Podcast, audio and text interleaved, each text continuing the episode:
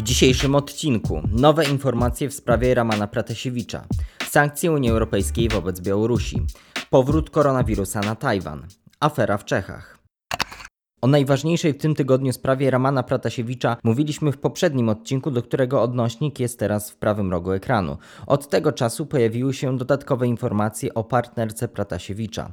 W internecie opublikowano nagranie z dziewczyną przyznającą się do bycia redaktorem opozycyjnego kanału Czarna Księga Białorusi, w którym zgodnie z jej oświadczeniem miała ona publikować informacje o pracownikach służb. Sofia na tym nagraniu zachowuje się inaczej, patrzy w górę, jakby się bała, że czegoś zapomni. Mówiła dla BBC matka Sofii, która podejrzewa, że kobieta, podobnie jak Pratasiewicz, została zmuszona do przyznania się do winy. 23-letnia Sofia Sapiega została aresztowana na dwa miesiące. Jak poinformował jej adwokat, jest ona podejrzewana o popełnienie czynu zabronionego i przebywa w areszcie KGB. Natomiast Unia Europejska poinformowała, że zakaże korzystania z europejskiej strefy powietrznej dla białoruskich samolotów. Przywódcy UE zapowiedzieli także szybkie przygotowanie sankcji.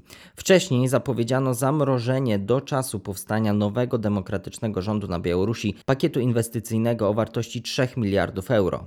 W poniedziałek Rada Unii Europejskiej podjęła decyzję o nałożeniu sankcji na Białoruś. E, To nie znaczy, że te sankcje wejdą w życie już w najbliższych dniach. E, To jest pewien sygnał polityczny, jak jest to wysłany do, e, do komisji. Komisja teraz musi przygotować konkretny pakiet sankcyjny.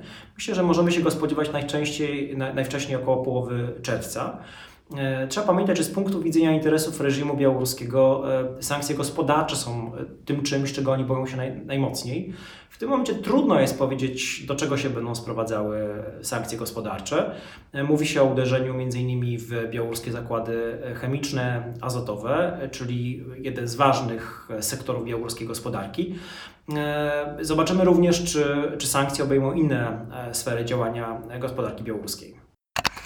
Wydawało się, że Tajwan ma pandemię pod kontrolą, jednak na wyspie pojawiła się właśnie nowa fala zachorowań, która wywołała szok opinii publicznej. Tajwan do tej pory był jednym z najskuteczniej walczących z koronawirusem krajów.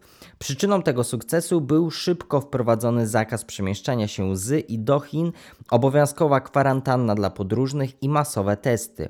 Jednak ten ostatni element został mocno zaniedbany i jest dopiero teraz przywracany. Wśród przyczyn nowej fali zachorowań są prawdopodobnie ograniczenia wymogu kwarantanny dla niezaszczepionych członków załogi samolotów oraz święta i wydarzenia, które doprowadziły do większej ilości spotkań międzyludzkich. Warto dodać, że postępy programu szczepień na Tajwanie są ograniczone, przede wszystkim przez niedobór preparatów oraz brak chętnych do szczepień, co jest natomiast spowodowane m.in. dezinformacją płynącą z Chin.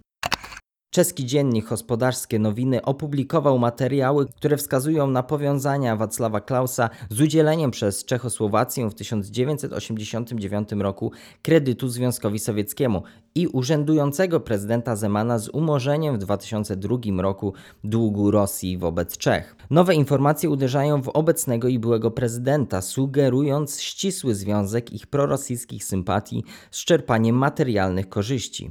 Artykuł w oczach krytyków Zemana potwierdza jego niejasne powiązania z Rosją, także w kontekście ostatnich wypowiedzi prezydenta podważających wersję czeskich organów ścigania i kontrwywiadu, które wiążą wybuchy magazynu z bronią w 2014 roku z działaniami agentów rosyjskich służb specjalnych. Ujawnione przez gazetę dokumenty wzmacniają krążące w Czechach od lat spekulacje, że zarówno Zeman, jak i Klaus mogli zostać uwikłani we współpracę z Moskwą jeszcze przed wejściem do polityki. Szerokie omówienie i wyjaśnienie afery znajduje się na osw.waw.pl w analizie Martyny Wasiuty. Link pozostawiamy w opisie. Z badań z 23 maja wynika, że nastąpiło wyhamowanie trendu zwyżkowego poparcia dla zielonych. Jest to związane m.in. z ujawnieniem nierozliczenia części dodatkowych dochodów przez kandydatkę na kanclerza Annalenę Baerbock. Przewodnicząca Zielonych traci popularność również w rankingach wskazujących preferowanego kanclerza. Utrzymuje się za to wzrost poparcia dla liberałów z FDP. To zasługa m.in. sprawnego przeprowadzenia zjazdu partyjnego i przyjęcia programu wyborczego.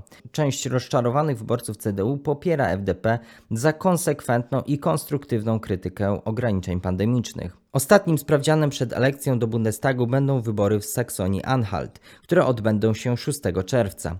Rywalizacja o zwycięstwo ponownie toczy się pomiędzy współrządzącą CDU a największą partią opozycyjną AfD. Dla Hadecji głównym celem pozostaje uniknięcie rządów AfD oraz współpracy z nią. Takiej kooperacji partia sprzeciwia się zarówno na poziomie federacji, jak i na poziomie landu. Więcej w niemieckim monitorze wyborczym oraz podcaście OSW o AfD. Na stronie Ośrodka Studiów Wschodnich pojawił się także nowy raport o polityce historycznej Rosji. Jest on do pobrania za darmo na osw.waw.pl lub przez link dostępny w opisie. Tymczasem zapraszamy do subskrybowania tego kanału. Kolejne odcinki